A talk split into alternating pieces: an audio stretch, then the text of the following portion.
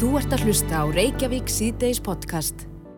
Jæja, Reykjavík C-Days klukkan fann að ganga 5 og uh, þegar við heyrðum uh, síðastu tölur úr lögatarsöllinni hérna áðan að þá voru hvað 70 bólefna skamtar eftir af Janssen. Já. En uh, Ragnhildur Ósk Ellensdóttir uh, yfir hjókunarfræðingur hjá Helsugjæslinn og Höfbrukarsæðin er á línu, kom til sæl. Já, komið sæl. Já, nýjastu tölur úr lögadalum.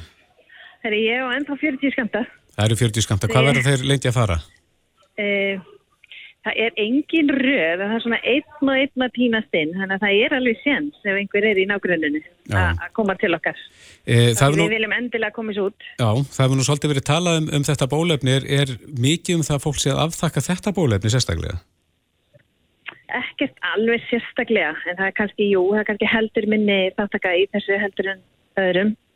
En samt er þetta svona heilt yfir, alveg ágætt, finnst okkur. En kosturinn við þetta bólefni er að það þarf bara eina sprautu og þá er fólk verið full bólusett. Já, og margir mjög ánæður með það að bara að koma í einu sinni og fá stungu. Já, Þannig að við hefum alvarið verið við það hér í dag. Já en, en það hefur svolítið loða við umræðum þetta bólefni að þetta veiti minni vörn en önnu bólefni, er það rétt? Það er eitthvað til í því að, að sko, eitt skamtur á þessu er svona kannski svipaður og eitt skamtur á astra. Það er ekkert mikill munur þar á, skils mér. Nei. En uh, þannig að það gæti alveg verið í framtíðinni að fyrir við að endurbólusetja þessa sem að fá, fá Janssen Mm þá fyrr en aðra en, en það er svo sem algjörlega óvíst hvernig það verður. Og sóttvarnalæknir, hann stýrist í bara hvernig, hvernig hann, já, leggur það plan upp. Já, eitt svona til hérna, glöggunar uh, þegar er svona frjálst tími eins og núna uh, með Jensen bóluöfnið nú erum við til dæmis í og Kristoffer við erum báðir astramenn og uh, Já. mættu við fara núna og, og fá Jensen eða verðum við að býða eftir að verði frjálst tími á astra Já, það má ekkert hérna ruggla saman bólaöfnunum. Það er Nei. eina sem að má ruggla saman. Það voru það eh, konur uh, á ákveðnum aldri og karlmenn á ákveðnum aldri sem fengu Astra og gaf, var þá bóði setni skamtir af Pfizer. En þetta er allt mjög stíft hjá okkur þannig að það er bara þetta bólaöfni bóði og maður getur ekki svona valið og, og á milli eða neitt svo leiðis. Nei. En þeir sem eru núna í umferðinu og svona eru að báðum áttum, þeir geta komið núna og, og það eru 40 skamtar eftir.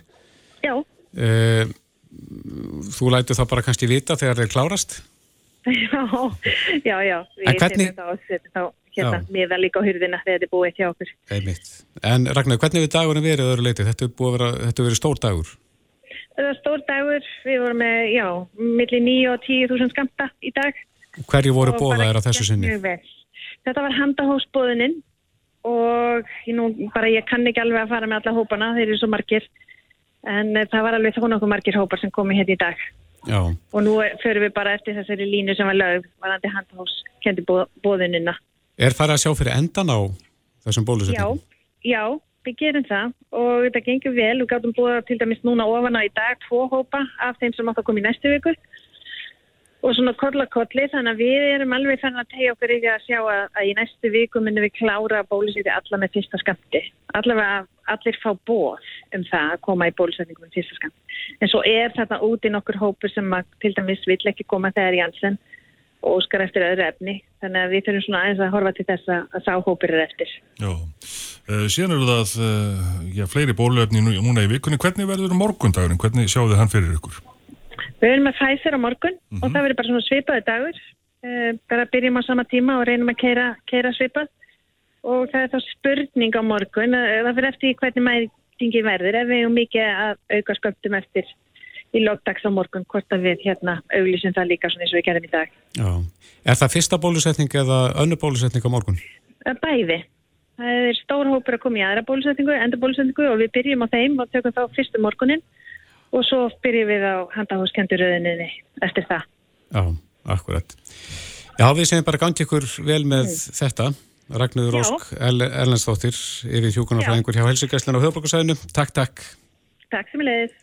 Þú ert að hlusta á Reykjavík C-Days podcast. Reykjavík síðdeis, það fór á stað heilmikil umræða uh, hér í síðustu viku eftir að sá óhugnar atbyrðu gerðist að það var reynd að tæla unga stúlku á leikvelli í borginni.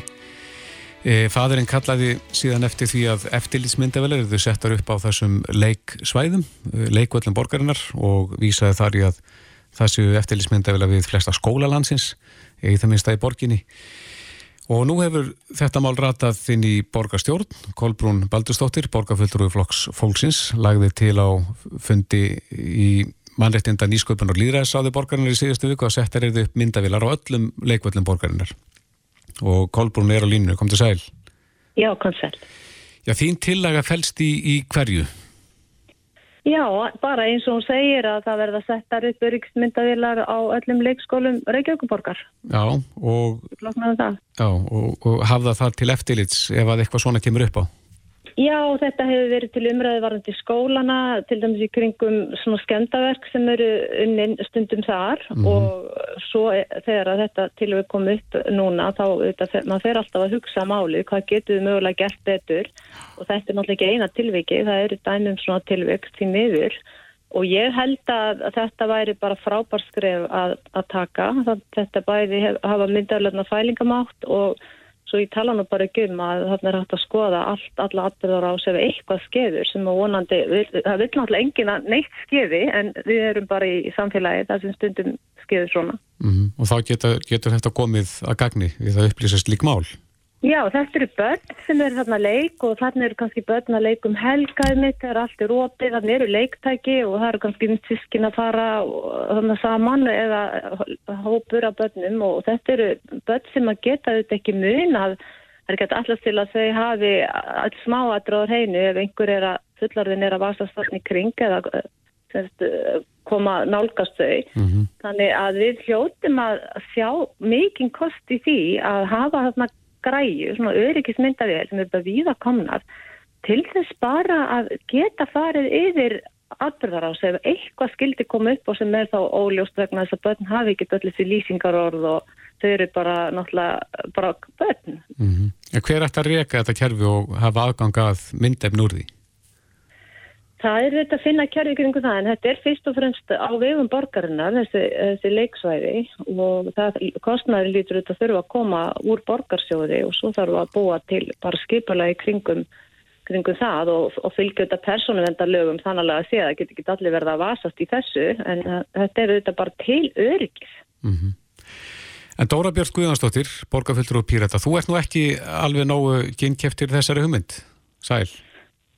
Sæl, já, takk fyrir þetta. Ég, sko, fyrir það fyrsta vil ég bara undistryka, ég fulla saman með þessum vangavildum og, og þegar svona mál kemur upp, uh, vakni spurningar og umræðum öryggi og hvernig best sé að hægt að tryggja það, það er bara algjörlega eðlilegur hlutur og, og, hérna, og bara óbáslega mikilvægt að þetta sé rætt allt saman. Mm -hmm. Það sem ég hef e, í rauninni verið að benda á er nú kannski bara almennt þá leysir það ekki alltaf vandan að koma upp eftirlitsmyndalunum vegna þess að við hefum séða að glæpir færa stundum bara fyrir utan sjónarsvið myndavéluna. En það sem ég hef verið hins vegar að leggja mjög greiðlega ríka á slá er að, að það þarf auðvitað bara að skoða hvert mál hverju sinni. Eh, stundum á það kannski við, stundum ekki. Ég held að sé ekkit eitt svar með á móti að allstaðar er að vera eftirlitsmyndavélar eða alls ekki. En, það sem mér finnst mikilvægast í þessu er að það sé þá gagsær og skýra mig kringum það hver hafi aðgangað upplýsingunum vegna þess að hér eru þetta um eh, viðkvæm eh, persónuvendamála ræða og, og það eru unni það sem ég hef bara kallað eftir að sé, hérna, komi ræti líka inn í umræðina vegna þess að ef við ætlum að setja eftirlitsmyndavel allstaðar þar sem óbeldi getur átt sér stað þá myndum við líklega að byrja á heimilum fólks og svo salurnum og skemmtistöðum. En við gerum það náttúrulega ekki og getum það spurt okkur af hverju ekki. Og stuttasvarið er vegna þess að við viljum ekki búið þannig heimi. Mm -hmm. og þannig að þú veist og þó við viljum búa í ofbeldislausu samfélagi þá viljum við ekki búa í eftirlit samfélagi ég held að séum alls saman um það og það er bara óbúslega mikilvægt að, hérna, að taka ákvarðanir um það að koma fyrir eftirlitsmyndavelum að mjög ígrunduðu máli og ekki, helst ekki uppnámi, við þurfum að skoða gögn og tölur, við þurfum að skoða hvort það sé ekkert að fara aðra leiðir til þess að tryggja öryggi, þannig að þess að við sjáum ákveði minnstur að, að, hérna, að það verður til dæmis síðverka árás eins og við sáum hérna 11. september eða einhver alvarlegur og ógeðfældur glæpur sem á sér stað, að þá stekkur fólk eh, til og, og kannski kallar eftir auknu eftirliti en slíkar ákvarðanir verða að byggja á gögnum og, og ígrunduðu máli og það er það sem ég hef verið að benda. Já. En þú talar um tölur, 47 uh, tælingamál hefur verið tilkynnt til lauruglu frá ornu 2019 til dagsins í dag, sem kom tölfræði frá lauruglunni á höfbrókarsæðinu. Uh, svona tæki gætu varpað ljósi á slík mál? Já, og það er alveg rétt sko, eins og ég hef verið að nefna hérna, sko eftirlitsmyndavilar geta, það geta skapa náttúrulega ímynd öryggis en kannski ekki raunverulegt öryggi. Það er að segja að það, þetta, þetta eru tæki sem geta uh, hjálpa til við úrlaustmála uh, aðstofa laurugluna við þau uh, mál en, en kannski ekki endilega komið veg fyrir veg fyrir að þetta í sér stað en, en jú getur þetta fæsta til og ég held að ég bara skoða það hér hvort það sé ástæði til að gera þetta að fara þessa leið mm -hmm. og, og hérna En þú útlokar það ekki? Ég útlokar það ekki og, en við þurfum bara að muna eftir því að hérna að sko það eru þetta þannig að þetta eru viðkamar upplýsingar og og þú veist ástofangin fyrir á leikvellum fólk á trún og sem að gengur hérna um og veit ekki af þessum upptökum endilega. Veist, þetta fólk á líka rétt á því að vera ekki alltaf í myndavel En veistu til þess ára að, að þess að Já, fyrir ekki. Já, ég er bara, bara bend á það. Stundum þarf að draga úr þeim rétti vegna þess og það er bráðnöðsynlegt mm -hmm. en þá þurfum að hafa í huga og hafa á hreinu að við erum að gera nákvæmlega það við þurfum að hafa enn bortnarkostnaði í huga því þessi réttur er visslega til staðar og þess vegna verður bara að skoða þetta í rauninni hverju sinni, ekki hlaupa til og bregðast þið án ígrundurar uh, og byggja þetta á raunverulegum aðstæðum og, og gökkunum. En veistu til þess að, að myndefni úr svona vélum, eftirlismyndefnum, hafi verið misnotað eða einhver komist í þá gökk sem ekki á að hafa aðgang?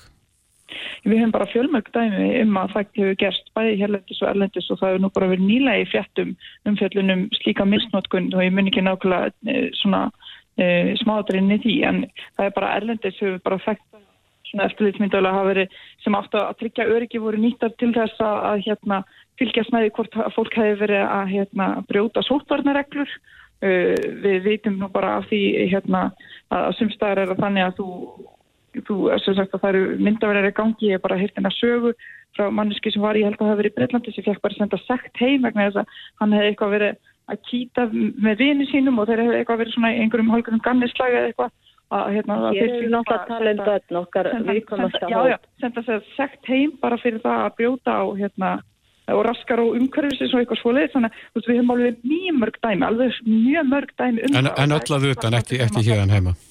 Jú, jú, það er, var henni dæmi um daginn þar sem að, að það var verið að, ég man ekki nákvæmlega, ég hef bara flettaði upp, en það var bara fyrir nokkuð vikum síðan, ég held að það verið síðustu að þar síðustu viku þar sem að, að kom fram slikt dæmi. Þannig að við vitum það bara að, að það eru auðvitað þannig að yfirvöld þó að þau séu mjög góð og ofta að gera sitt besta í því að hérna, breyðast réttu aðstæðum að þá þá geta þau sagt, frami glæpi líka þegar hafa alltaf tæki til þess stjórn á samfélaginu, við veit allt um alla. Og það kemur svolítið fyrir yfir nýstnóti slíku völd. Við þekkjum við þetta bara hérna, dæmi um það bara býða frá bandaríkunum, frá Kína frá, frá bara nákvæmlega líka stundum líka hérna frá Íslandi að, að það hefur verið, verið njóttna mikið um fólk veist, þannig ég er bara að benda á þetta staðar og það sem að þarf að líka fyrir er já að við gerum okkur grein fyrir því að personu frelsi og personu vend skiptir máli. Það var þá að hafa óbústlega góðan ramma í kringum það hver hefur aðgang að þessum gögnum vegna þess að þau eru vissulega við hvern og, og við getum ekki bara hlaupið til við verðum að hugsa þetta vel.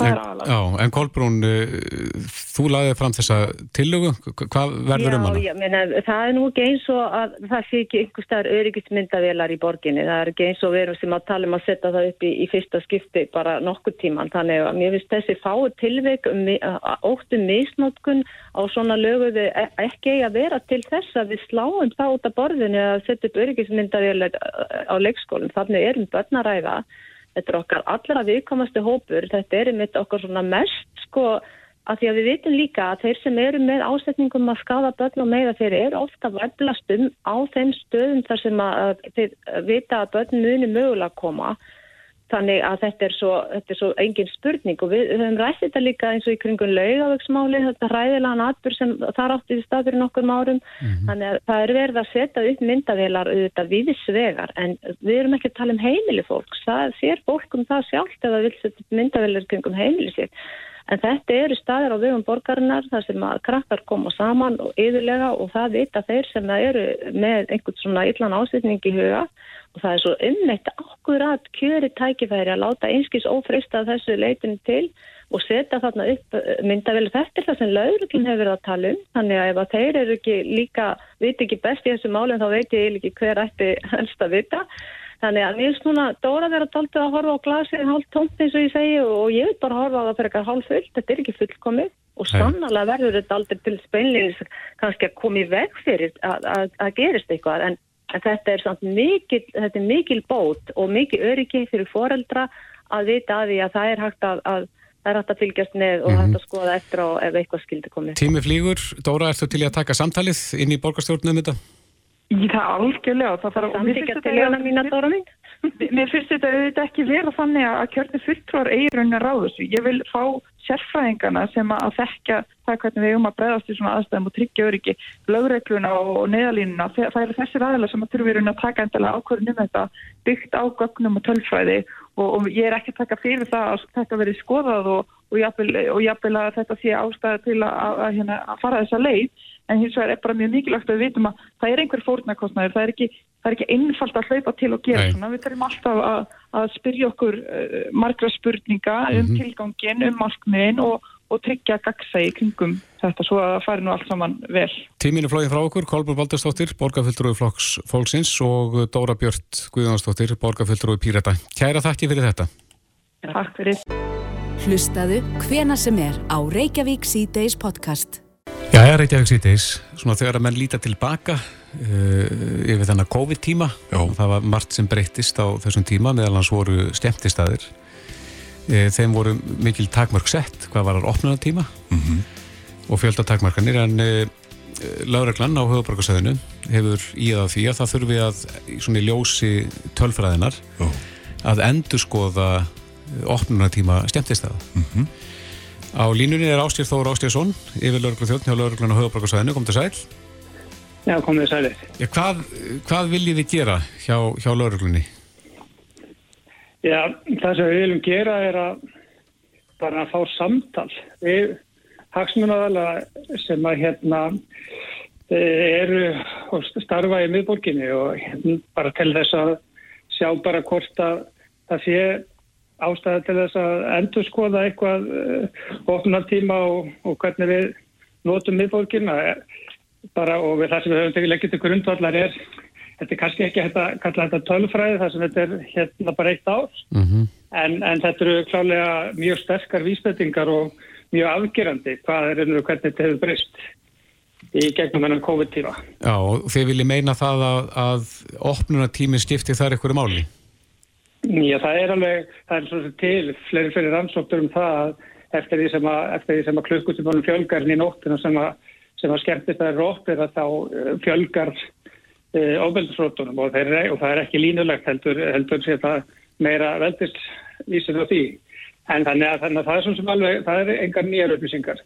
En það sem við fengum náttúrulega bara að sjá í gegnum þennan tíma er mjög dramatísk breyting á, á, á e, þessum brotum sem að við erum eigum alla, jafna að, að þurfum að sinna í miðborginni og sérstaklega um helgar. Mm En nú kunna þeir sem að gaggrína þetta að segja að ef við viljum útrýma umferðarslýsum þá bara bannu við umferð.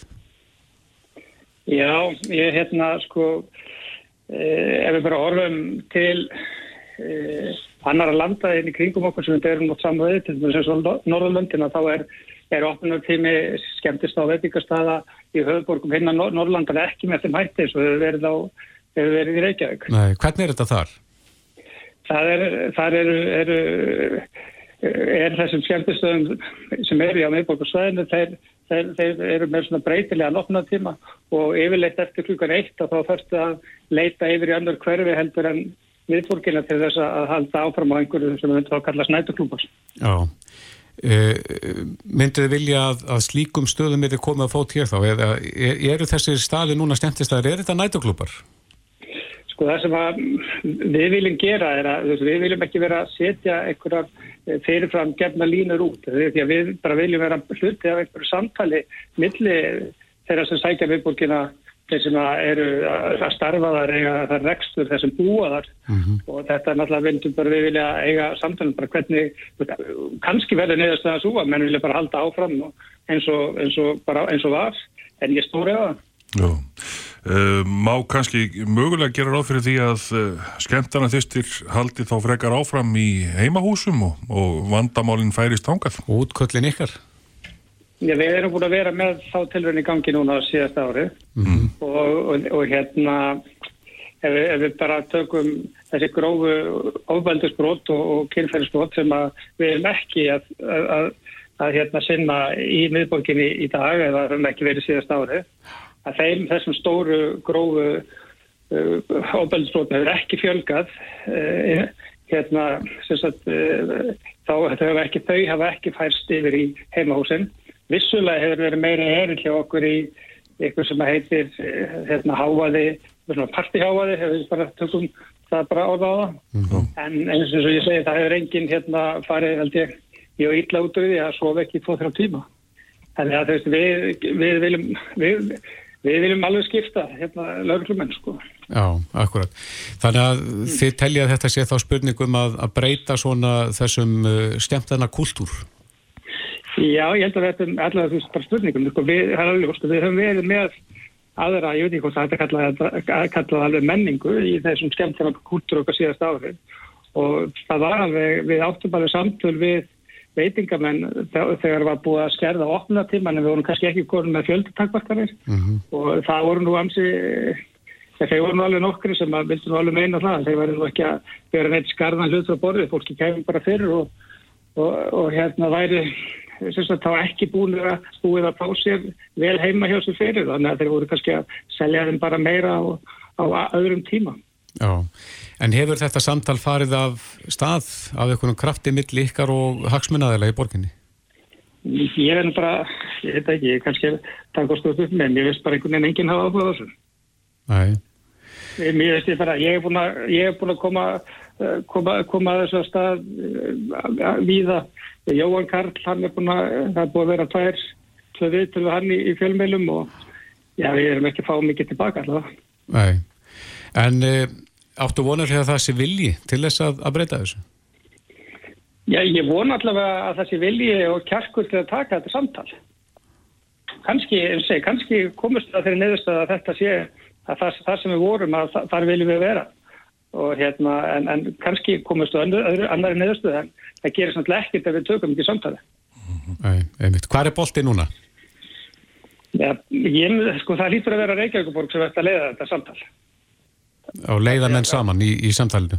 Já, ég vil það er Reykjavíkuborg sem að gefur út þessi leiði og það er Reykjavíkuborg sem setur stefnuna hvernig við ætla og viljum að hafa borgina og, og það er ekki langt síðan að, að borgarstjóri kynnti svona einhverja tillögur og að, að hérna gaf ákveðin tíma þannig og við og hvað sé, það var snýrst um það að fækka ofbeldisbrotum í meðborginu 50% og ég held að bara þessi, þessi vísbendingar sem ég vil nú ekki kalla tölfræði á, síðasta ári, það, það er náðast bara að sigla þessu tvískipi heim bara.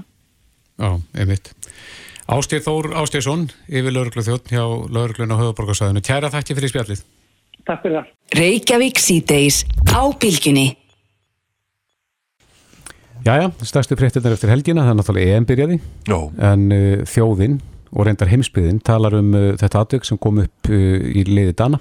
Uh, þegar að Kristján Eriksen neig nýður á vellinum. þetta, Þetta var mjög óhugnur þetta sjá. Já, óögnulegt og svo hefur náttúrulega ímislegt fyllt í kjölfarið uh, þeir sem að sendu leikin út það var beðist afsökunar á því að það hefði ekki klift af fyrr. Já, en það var fólk í sjokki að horfa á þetta. Mhm. en Rikki G er komin til okkar sérfræðingu þáttarins, velkomin Komið sælega drengir Já, þetta er, hefur þetta haft eitthvað eftirmála? Í í sjálfu sér ekki ennþá allavega en ég veit ekki hvort að einhverju mun leita rétta síns vegna þess að hvort það verið þá mögulega fjölskylda Eriksson konuna sem er náttúrulega í nærmynd þarna hágrátandi uh, þegar hún er að reyna að komast út á völl þá eru þeir ennþá með útsendingun í gangi. Allt og seinir að klippa frá þessu en, en svo er náttúrulega bara spurningin þetta gerist náttúrulega svo snögt og menn kannski er ekki að kveikja endilega hérna hversu alvarlegt þetta er en, en það náttúrulega sást alveg sá strax þegar hann nýju niður að þarna á eitthvað alvarlegt sér stað.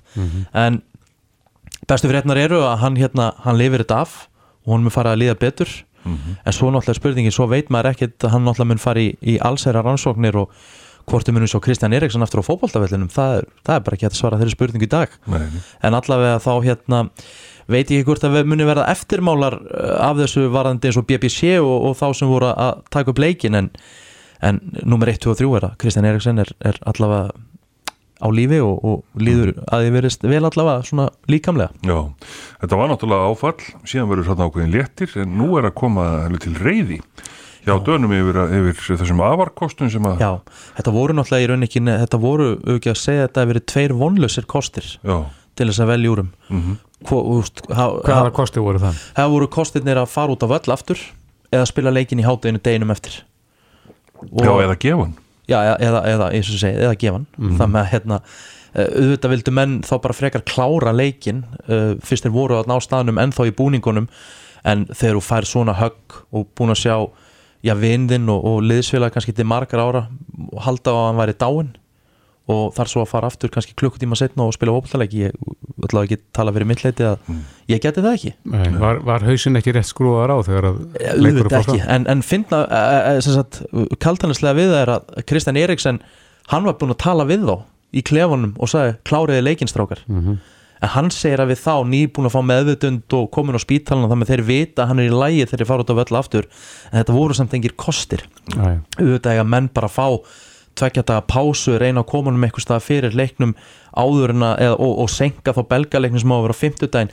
Ekki að, þú veist það verður allavega líða meira en sólarhingur eftir svona svakalegt áfall og ég get nú bara sagt það strax í að menn eru uh, í danska hafa ekkit, eru ekkit búin að gleyma þessu eða mun ekkit gera það í bráð því að Martin Breithveit framherri Dana brast í grát í viðtali í morgun við, við danskan fjölmjölamann þannig að ég er bara ansið hrættur um það að Danir sé ekkit mikið að hugsa um fótbolt og mun ekkit vera mikið að hugsa um fótbolt að þeirra kemur að leiknum gegn Belgum á 15 En það var uh, leikur í, í hátteginu, ég byrjaði klukkan eitt og þar voru skotar loksins komin aftur á, á stóra sviðið. Já, voru ekki, já, voru síðast á EM 1996 á Englandi síðast á Stormóti og EM í Fraklandi 98 þannig að þetta nú heldur betur löngbið og þeir fengu heimavell fá, fá að spila á Hampton Park í Glasgow en það er spurning hvort það hefur verið ómikið liðuspenningur Já, þeir tapa leiknum uh, 0-2 fyrir tekkum sem að líta bara nokkuð vel út eða ekki.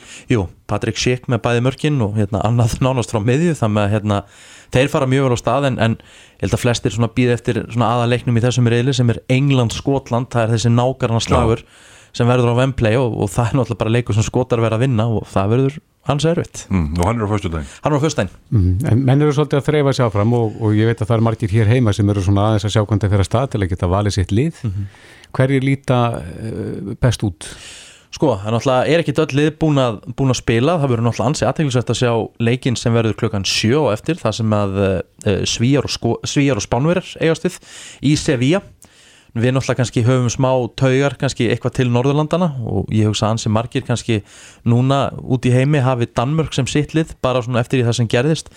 Ég hef alltaf verið svona pínu veikur fyrir ítölunum og ítalendin litur rosalega vel út í fyrsta leiknum mútið Tyrkjum og svona með að við segjum hlutvalli hjá Robert og Mancini þjálfara þeirra með liðið þá gætu ítalendin verið alls líklegir til alls líklegir og svona að þessum fyrstu leikjum hjá liðunum þá líta ítalir best út en eins og ég segi, það er bara eitt leikur búinn Já, eh, talandi um eitt, eh, eitt lið sem kannski gleymist í allir þessari umræðu og það eru finnadir. Já. Þeir náttúrulega voru á staðnum þegar þetta gerist. Já, og verður líka hrósa finnunum Já. bara hvernig þeir koma að þessu og finnsku áhörundinu þegar þeir byrjuðu að öskra Kristján og svo tóku dönsku stuðnismenni við Eriksen, mm. þannig að þetta var svona gæsahúðar augnablik og, og finnarnir uh, hérna voru bara til í að gera hvað sem er þeir vildu bara danir myndu bara sem sagt, eiga svolítið kostin hvað þeir vildu gera. Og finnarnir ætluðu bara að fylgja þeim eftir og bakka á alla leið upp. Þannig að það má alveg klálega rosa þeim og þrjú stig til þeirra og, og hérna þeir í döða færi bara mögulega að fara upp úr ilnum Já, já. Já, þetta verður spennandi. En uh, hverjir eigi eftir að sína sína sig þarna? Já, það er náttúrulega spánverðarnir og, og, og svíjarnir uh, þeir eiga eftir að, að spila og, og þá held ég að við séum komin svona fyrsta ringin Já, það er leikur eh, sem, Leik- að, sem er núna hafinn. Já, Slovakia, Póland Mhm. ég, hérna Pólverðir eru náttúrulega bara með eitt besta framherran í heiminum Já. Robert Lewandowski eða Lewandowski en svona oft kallaður í Þýskalandi og þegar þú ert með svona mann þá getur við farið langt en ég hef nú svo sem ekki miklu að trúa á Slovakum en mér finnst líklegt að það verði pólverjar og spánverjar og svíjar, pólverjar og svíjar berjast um að fara upp með spánverjum Hvenær eiga Danir næsta leik? Danir eiga leik á 50 daginn, kemur 17. júni Þjóðtíðadag Íslendingum. Á móti Belgum sem er svona eina líklustu þjóðunum til þess að uh, vinna mótið.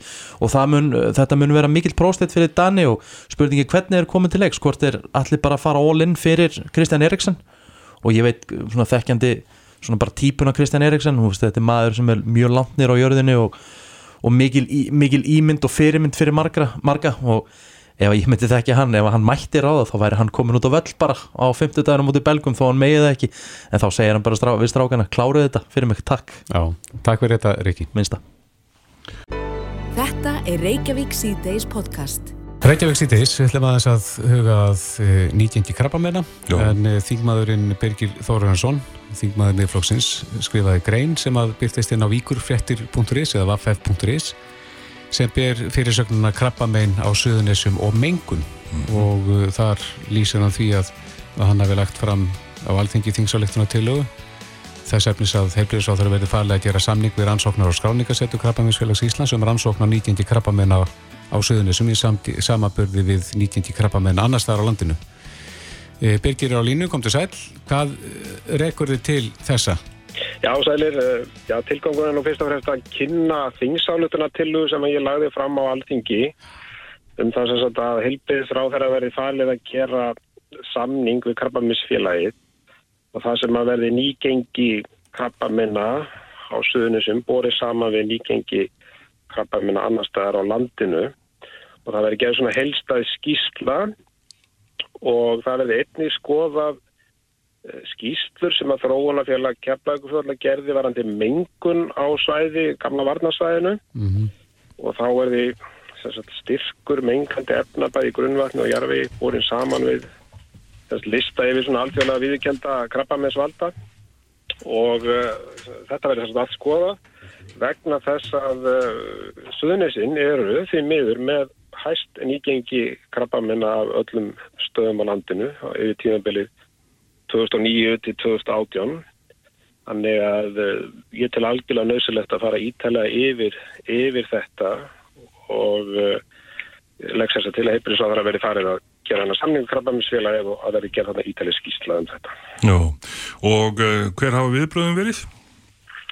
Þau hafa verið bara mjög góð og margir hafa samband við mig og uh, lýsa ánægju sinni með það að, þetta sé komið í þennan farveg að þetta verði rannsakað ítalega. Hefur le- það hefur svona, uh, já, hefur leið á hjarta marga hann á suðunisum að, að það þurfi að fá svona einhverja helsta niðurstöðu í þessi mál vegna þess að, að það er náttúrulega ekki eðlilegt að suðunisin skuli vera með hærri tíni krabbamenni heldur en bara annars stára landinu og, og, og til dæmis á, á nýgengi þá er á 100.000 tilfelli þá er Suðunissi með 595 á meðan að höfuborgarsæði með 539 það er í, köll, í hjá körlum. Uh, og síðan er uh, þegar kemur á konunum og þá eru Suðunissi með 483 tilfelli að meðan að höfuborgarsæði er 478 það er svona spurning hvort það sé margtækum mögunur þar en, en það þarf bara að fá svör við því En hver, er, er eitthvað tilgátur? Hvað valdi þessu? Er eitthvað efni sem að hugsanlega herin hefur stílið eftir eða?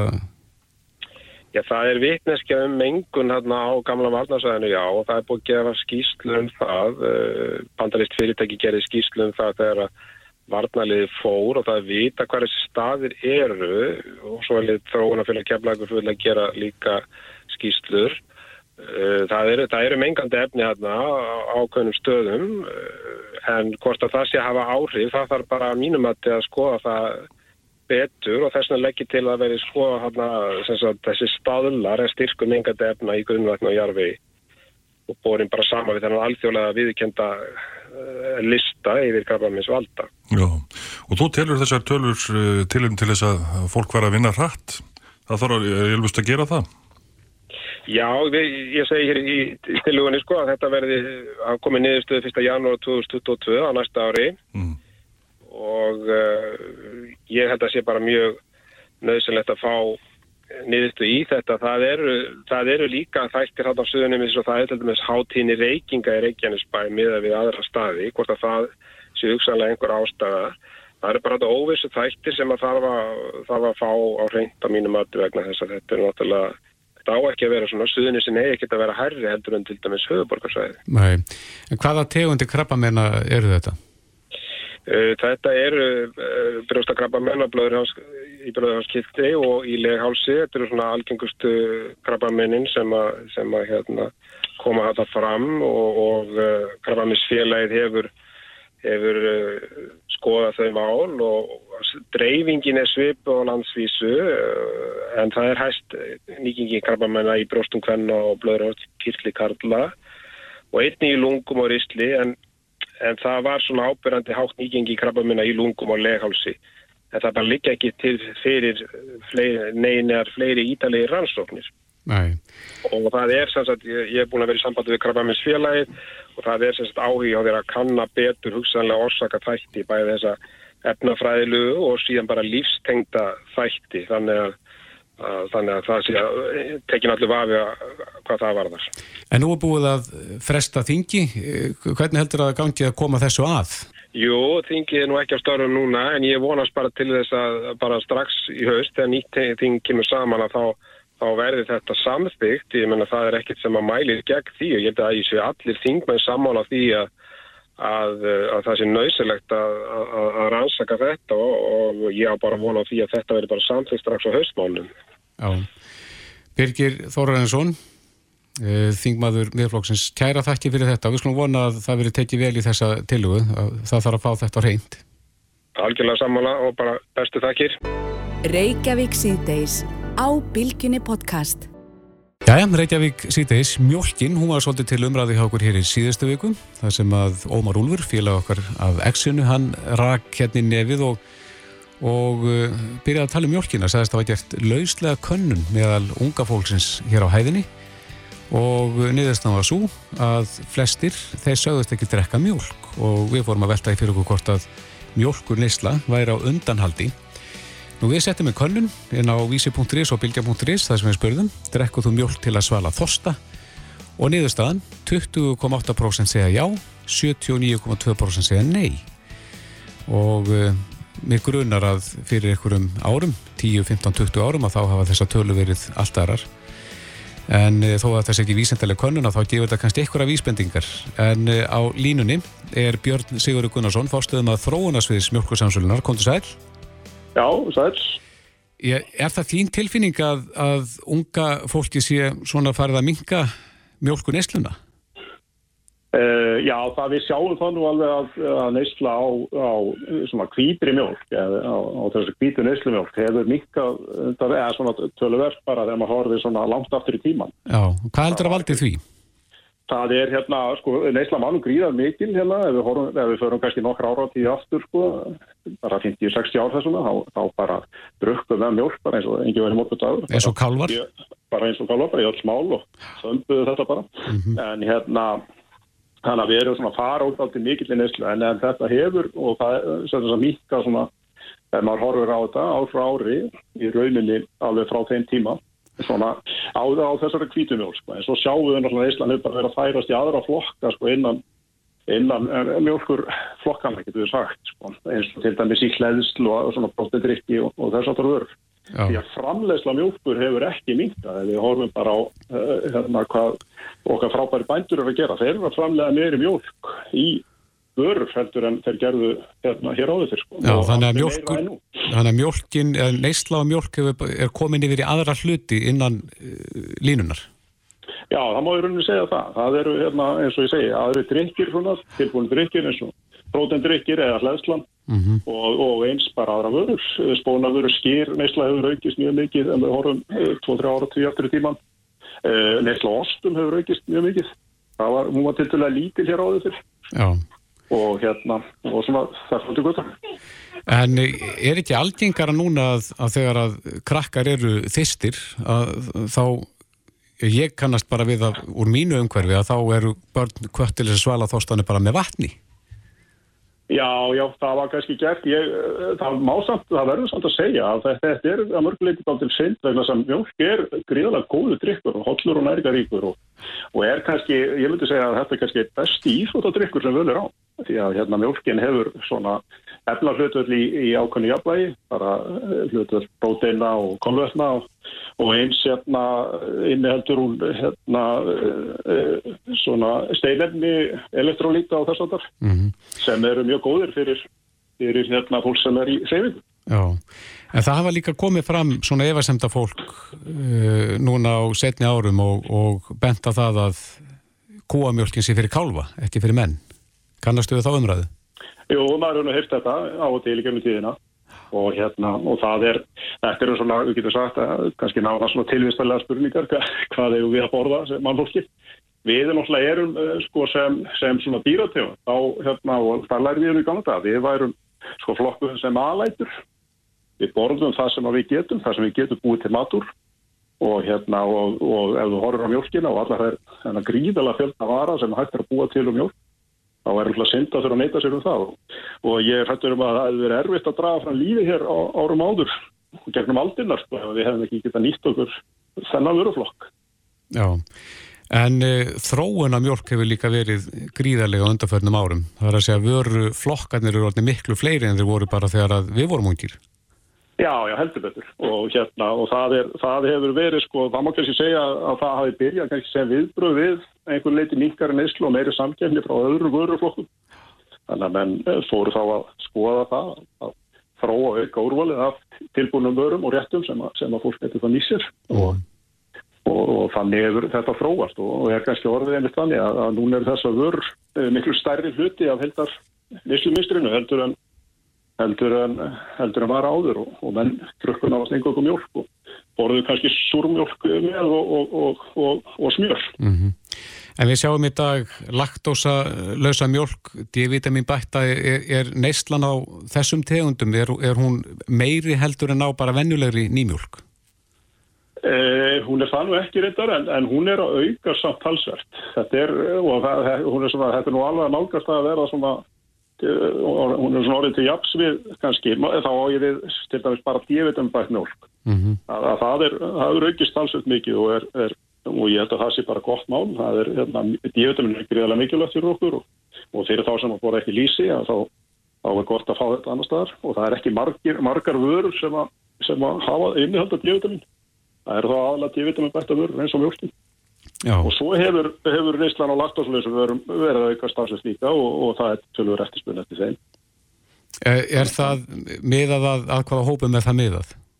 Það er í rauninni fyrst og fremst þúsa fyrir þá sem eru með laktós og óþól þá sem að geta í rauninni ekki mert mjölkursíkurinn mm -hmm. og hérna þeir, það hefur yfirleitt verið mjög lág prósetta hér á landi svona ef maður horfir tilbaka í tíman en kannski var hún hærri eftir allt saman en menn heldi og fólk kannski sem að þegar ég ef maður horfður kannski aftur í tíma svo fann til óþægndi að neyta mjölkur og það lítið bara að hafa það og tók þetta nefanum eins og maður segir mm -hmm. en, en svo var það kannski bara með mjölkursvíkus óþálega eftir allt saman en það er miklu algengar út í heimi það er svona sjálfgjart hér í Norrannu ríkjum uh, laftusóþálið Veit að menn af hverju? Það er hérna það er rauninni talað með um þetta sé svona einhver einhvers konar erðabreiting eða, eða mutation eins og það segja að hérna að sko að manninum sérumli kannski að, að, að hann sé svona teiknað til þess að fá óþól en svo hafi hérna hér á norrannu slóðin sem að minna mar af mat, minna af svona það, það var ekki hægt að lappa búin til aldingarð og sækja sér ávesti eppli eða slúðis, heldur þú varst bara að bjarga henni það sem þú háðir á þessum norrannu slóðum og, og þá hafður þróa bara með þér þól fyrir þessum vörum. Já, já og, hérna, og þannig, þannig komist af í rauninni og svona er það að horfa svona ártúsundur aftur í tíman sko. mm -hmm. Rétt eins í Lókibjörn eh, það nýjasta sem að er að koma úr ykkur þegar þú ert fórstum að þróuna svist þið eru alltaf að þróa eitthvað nýtt Hva, hvað er svona komið á tekniborði núna? Uh, það er bara eitt og annað það er, það er, það er, við erum alltaf að og erum að þróa við komum nú með nýjar uh, vörur hérna við erum til dæmis að koma með nýja, nýja tegundur í ostum, höfum komið með þessar ringlega osta hérna og samverðum við KS, svo höfum við komið með hérna, erum við komið, ætlum að koma núna bara fljótlega með ringla osta nýja, við erum að fjölga líka í léttmálslínni til okkar sem er með grískri jógurt, það eru að koma með spennandi nýjungarinn. Og hérna og, og auðvitað alltaf við höldum áfram í skýrinu, við byggum mjög góða viðtöku við hérna bæði í sig skýri hérna með jarðarberjum og hvítu súkulæði og, og, svo, og svo hérna sem átt að koma bara svona í takmarkaða tíma. Mm -hmm. en hefur fengið fátan að upptökur og, og sömulegis eldfjallaskýrið okkar í keðalínni það hefur gengið mjög vel þannig að við verðum fjölgan alltaf tegundu þar og halda á bráfram á þeirri brönd kynna nýja tegundi til leiks. Einmitt, Björn Sigur Gunnarsson fórstuðum á þróunarsviðs MS Kæra þakki fyrir þetta. Já, svo leiðis Reykjavík síðdeis á Bilginni podcast. Jæja, uh, eins og við hefum komið inn á þá talar heimsbyðum um vart annað heldur en þetta atvökk sem áttur sér stað í leik Dana og Finna Já. þegar Kristján Eriksen nýgu niður og fer í hjartastopp Mm -hmm. Læknir danska liðsins hefur nú líst því að, að hann hafi farið í hjartastopp og þurfti að, að stuða hann tilbaka Já. En uh, þetta við vakið aðtikli á skindi hjálpinni og svona spurningum um það hver eru rétt viðbröð Já, það var alveg greinilegt að það voru þarna uh, leikmenn, danskan allir sem kunnu sitt fag. Já, akkurat. En á línunni er maður sem að við höfum oft tala við um skyndihjálp, Ottur Eiríksson, fyrirvændi sjúkraflutningamæður, núverandi skyndihjálpa kennari, kontur sæl. Ónfælis. Sást þú þetta atvik? Ég sá það í, já, eftir á, ég sá það ekki beint. Nei. Þetta var þesslega hérna, meðhundaleysi, hann dettur þetta niður í byrjun og Hvað getur, hvað getur valdið því að hann nýgur svona niður? Er það hjarta áfall? það er sko hjarta áfall en náttúrulega allt sem kemur fyrir hjarta. Það, það er vantilega er þetta einhver raftröflun sem verður í hérna, hjartanu Já. sem setur, setur hann í þetta ástand. Það hefur nú oft verið talað um það að þegar menn hafa fengið bolta á brjóska svona annað slíkt að þá getur það svona orsakað ykkur tröflun. Já, já, það getur gert það. En, en get, getur þetta komið bara upp úr þurru? Já, það er einhver tröflun vantilega sem maður er búin að vera með áður. Það þýttir þýttir að það fundir fyrir einhver áður að þetta gerist. Einhver svona gangtröflun í hjartanu. Já. En það sem gerir síðan á eftir, uh, menn hafa líka talað um það að hann hefði ekki geta verið á betri stað fyrir svona uppákomu. Nei, það er náttúrulega margir sem eru vitnaði þessu og, og hérna lækja leysir og þeir leikmenn sem voru þetta hafa byrjað að, að endur líka gera sér grein fyrir og það þarf að gera sér grein fyrir því að þetta er meðendurleysi og, engin endur og þá er endur líka sem á fanguna. Já. Nóð eða hjartastöð? Það er sko bæði, tortveikja, það er eh, hérna nóð og blastur og stuð. Þetta er allt sem að vinna saman að, að góðum ánáttu. En hver eru réttu viðbröðum? Það er nú verið talað um þátt uh, fyrirliða danska leysin sem að uh, passar að hann gleip ekki tunguna og kemur hann í lasta hlýðalegu. Já. Sko réttu viðbröðin er náttúrulega fyrir almenning er að kalli hjálp. Þetta er fyrst í 1-2 og svo að byrja endurlíkun. Ef, ef við komum til meðendurlaus og ekki meðlega öndun eða ynga öndun, þá var þetta endurlíkun, blastur og nóð. 30 nóð og 2 blastar hjá svona flestum. Já. Og maður sem hefur lent í svona áfalli eins og Kristján Eriksson þarna, uh, næra sér að fullu eða verður hann að einhvern veginn alltaf markaður af þessu atveki? Sko ef þetta er rafmagströflun þá getur hann láfna á sér að fullu. Já. nú veit ég ekkert hvað þetta var hjá hann þannig að já, já, menn hafa náð sér að fullu eftir hjartastopp og sérstaklega þegar svona grípi snem, snemma inn í Já. Það skiptir miklu máli Já, þarna er bara allt til alls þegar þetta kemur upp á og, og honum er komið í rauninni í gang á undraverðin tíma. já, já en svo var þetta líka leikur í, var ekki, í, í hérna, Hollandi 2017 það sem að, var akkurat dögur það var ekkert gripið til neins það var skyndi hjálpið þar í 8 mínútur hjá manni sem var í stoppi Já. Hvernig fór það? Hann er, uh, hann er lifandi í dag en ekki, ekki með góða hilsu. Nei. Ég, þetta hefur hann alltaf annars staði gerst á, á knæspötuvellinum að, að svona atbyrðir hafa átt sér stað. Já, og bara hjá ungu fólki, það er svolítið sérstaklega. Mm Bæði þetta á Íslandi og, og Ellendis. En hvernig er staðan hjá íþróttaliðum að því að þetta getur nú komið fyrir ansi víða? Ég þekki það ekki nógu vel, sko. Það er allavega eh, þjálfarið að fara á skyndi hjálpa námskeið og þeir sem eru sjá um liðin er að fara á námskeið. Mm -hmm. En svo er bara að afta sig á því að við komum að gera með þetta og svo farst það á endur gann. Það er er að kveikja, sko. Já.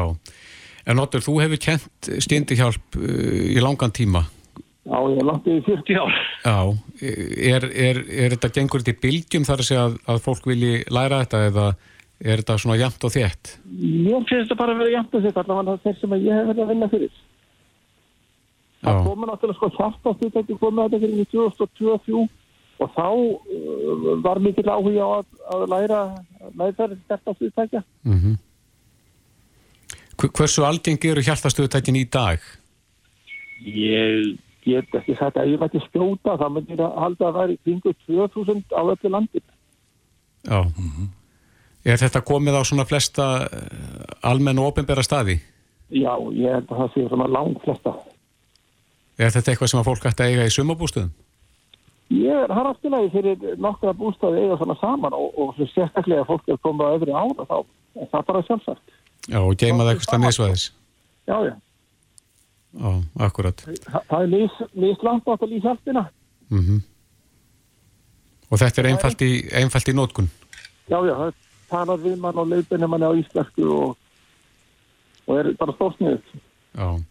En þú sagði þegar fyrir maður sáttur yfir þetta, draugum þetta saman, 30 nóð og tveir blástarar, er það Já. talan? Er- Já, 30 nóð og þeir blástrar er hjá börnum og, og, og fullbarnum og svo eru ungdöld með 15 nóð og 2 blástrar. Já.